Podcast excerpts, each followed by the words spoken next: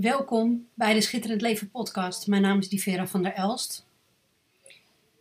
En ehm, mijn kinderen, eh, mijn dochter gaat nog niet naar school, mijn zoon wel naar de basisschool. Die zit in groep 5 nu.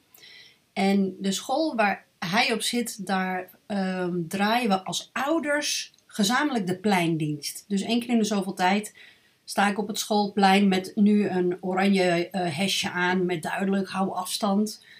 Ehm, en sta ik op het schoolplein uh, op te letten uh, of kindjes niet elkaar van de, het klimrek afgooien. En om te kijken of alles wel goed gaat als een kindje valt. Dat ik even ondersteuning bied of als Ray moet plassen.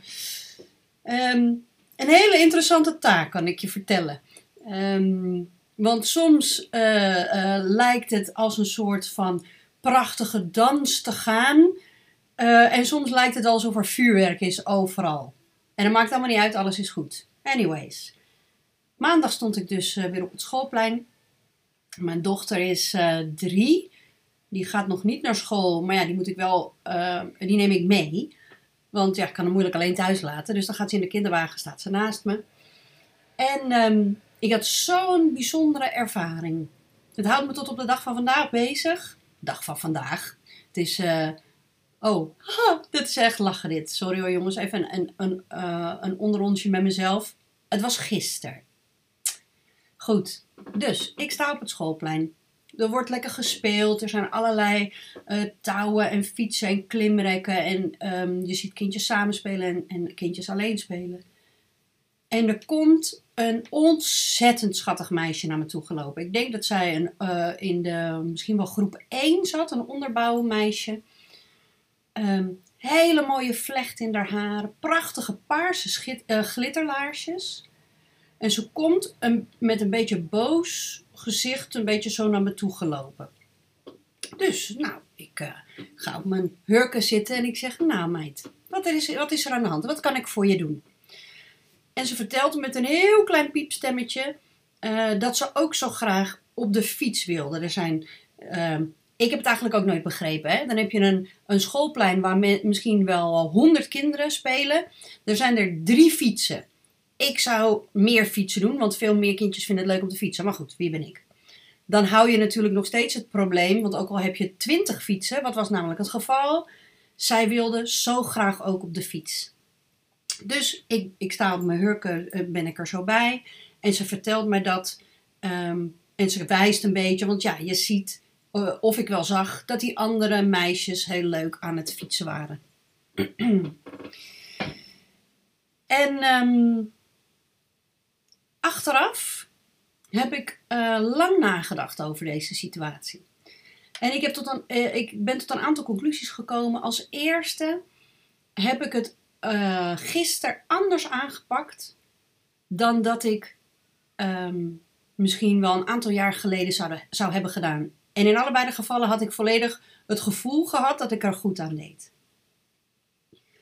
Een van de mooiste overwinningen die ik op persoonlijk vlak heb mogen behalen is dat ik de rol van redder heb af mogen leggen. Um, ik heb in mijn leven vaker gevraagd en vooral ongevraagd gered dan goed was voor mij, voor de ander en voor de situatie. Daar ga ik nu niet verder op in. Le luister gewoon allemaal podcasts en dan hoor je meer over mijn verhaal en over alle onhandige dingen die ik daarin heb meegemaakt. Anyways, terugkijkend dacht ik, joh, als dit meisje uh, een aantal jaar geleden naar mij toe was gekomen, dan had ik haar hand gepakt en dan had ik het opgelost. En dan was ik naar die meiden toe gegaan. Had ik gezegd van nou, zij wil ook heel graag fietsen.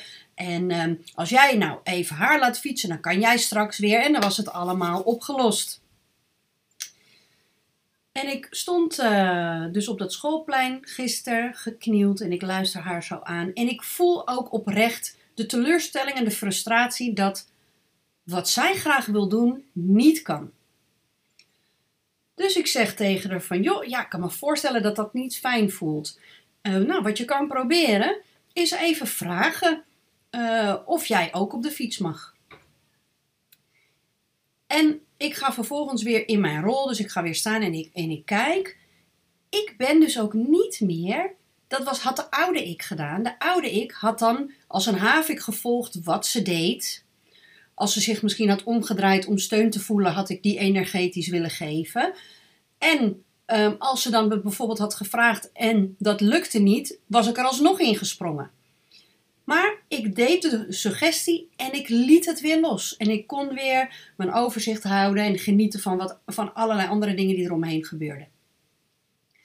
Vervolgens zie ik er een paar tillen later. Ik weet dus niet eens of zij het wel of niet heeft gevraagd. Geen idee. Komt ze weer met dezelfde pruillip en uh, een beetje bedremmeld komt ze weer naar me toe. Um, dus ik zak weer door mijn knieën. Ik zeg, uh, wat kan ik voor je doen, schat? Ja, ik wil, ik wil nog steeds graag op de fiets. Ik wil graag op de fiets. Die meisjes waren nog steeds aan het fietsen.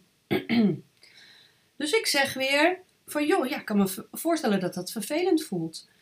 Um, wat voor manier zou je het nou kunnen oplossen dat je toch een leuke pauze hebt? Um, dus er waren een paar meisjes die kwamen haar kant op, ongeveer dezelfde hoogte. Dus ik doe een paar suggesties. Dus ik heb van, nou, je zou misschien met een ander meisje kunnen spelen. Ik heb gezien dat ze bij de zandbak een mooie uh, zandkasteel aan het maken zijn. En kijk misschien of er iets anders nog is uh, wat je leuk vindt om te doen. En toen heb ik het ook weer losgelaten. En de oude ik had uh, dan misschien wel met haar aan de hand alle opties langsgelopen. Ik weet het niet. Dan had ik me in ieder geval een, stuk meer mee bemoeid. En het was voor mij zo wonderlijk om te zien. Zij heeft. Uh, de pauze duurt 30 minuten. Zij heeft 30 minuten een soort van om de situatie van die fiets heen gestaan en ze is nog, nou, ik denk zeker drie of vier keer bij mij teruggekomen. Op een gegeven moment heb ik niet meer meteen uh, helemaal het gesprek aangegaan, maar zei ik van, nou, als je hier wil blijven staan, bij mij mag dat ook. Maar de focus die zij had op, je, het was bijna letterlijk wat je kon zien. Dat speelplein was vol met allerlei kansen en mogelijkheden nog om te ontdekken. En het enige wat zij zag waren die twee fietsen waar die meisjes op aan het fietsen waren. Zo de vaste focus op wat niet kan op dat moment. En, en zij was bereid, zo lijkt het alsof het een, een bewuste keuze is, dat laat ik helemaal in het midden. Maar zij was bereid om een half uur in ongemak te kijken naar wat niet kan in plaats van zich te kunnen openen voor oké, wat kan er wel? En wat mij dus zo bezighoudt, is ik denk dat zij misschien vier jaar is. En ik dacht, oh, zo jong en al zo gefocust op wat niet kan, maar ook daar dus je hele beleving door te laten beïnvloeden. Ik vond, ik, ik vond en vind dat zo bijzonder om te zien. En ik weet ook, het is geen uitzondering. Zij is geen uitzondering. Ik, ik vond het, ik merk dat ik het een soort van extra uh, interessant vind, omdat ik over het algemeen juist bij de jonge kinderen nog zoveel meer uh, flexibiliteit en vrijheid terugzie. Dus dat vond ik interessant. Ja, en ik denk dat er heel veel van jullie, ik herken hem in ieder geval in hoe ik een groot gedeelte van mijn leven heb geleefd dat ik zag wat ik wilde hebben, dat ik zag wat ik wilde ervaren en dat ik ook alleen maar bleef letten op de bewijzen dat dat niet kon. En schitterend leven gaat over je beseffen dat als je je blik los kunt maken van die hyperfocus op wat niet kan, dat je daarmee je hele energie, jouw hart en ziel openstelt voor alles wat er wel kan. En geloof me, het universum en het leven heeft veel meer dingen in petto die wel kunnen en wel mogelijk zijn dan het ene waar jij je hele geluk, liefde, ziel en zaligheid aan hebt opgehangen. Ik hoop dat ik met mijn ontspannenheid gisteren, al is het maar een haartje ruimte heb mogen creëren in haar beleving, dat ze wellicht later in de klas wel op zoek is gegaan naar hetgeen wat wel kon. Ehm, want het, het deed me gewoon iets. En ik ben heel eerlijk, ik ben heel trots op mezelf dat ik niet in de reddersrol ben gesprongen. Want wat is nou wat ik had, wat ik had kunnen doen? Ik had het voor haar op kunnen lossen. En dan had ik een heel verkeerd signaal gegeven. Want dan gaf ik het signaal: het is goed om je te richten op wat niet kan. En als je maar lang genoeg blijft mokken, komt er iemand die jou gaat helpen om het wel voor elkaar te krijgen. En het signaal dat ze dus altijd een ander nodig heeft om de omstandigheden zo te maken zoals zij dat wil. Leven in vrijheid en leven zoals het leven bedoeld is, is dat je de bron van alles wat je nodig hebt binnen je voelt en vervolgens de kansen en mogelijkheden die op jouw pad komen oppakt om vervolgens daar een stap in te zetten. Goed. Nou, ik heb uh, over een maand of twee weer pleindienst. Heel benieuwd of zij uh, uh, dan weer in dezelfde groep is als dat ik op het schoolplein moet staan. Wie weet heb ik eenzelfde ervaring, wie weet heb ik een andere.